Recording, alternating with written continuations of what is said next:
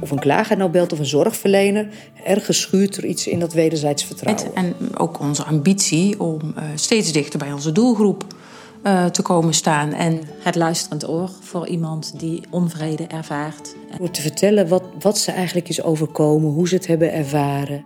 En dan is het fijn dat je kunt bellen. Wat, wat, wat wil je met deze pijn? We zeggen wel eens tegen elkaar, het is bijna een bevoorrechte positie... omdat Als dat ik bel, van ja, er is iemand die heeft onvrede over u.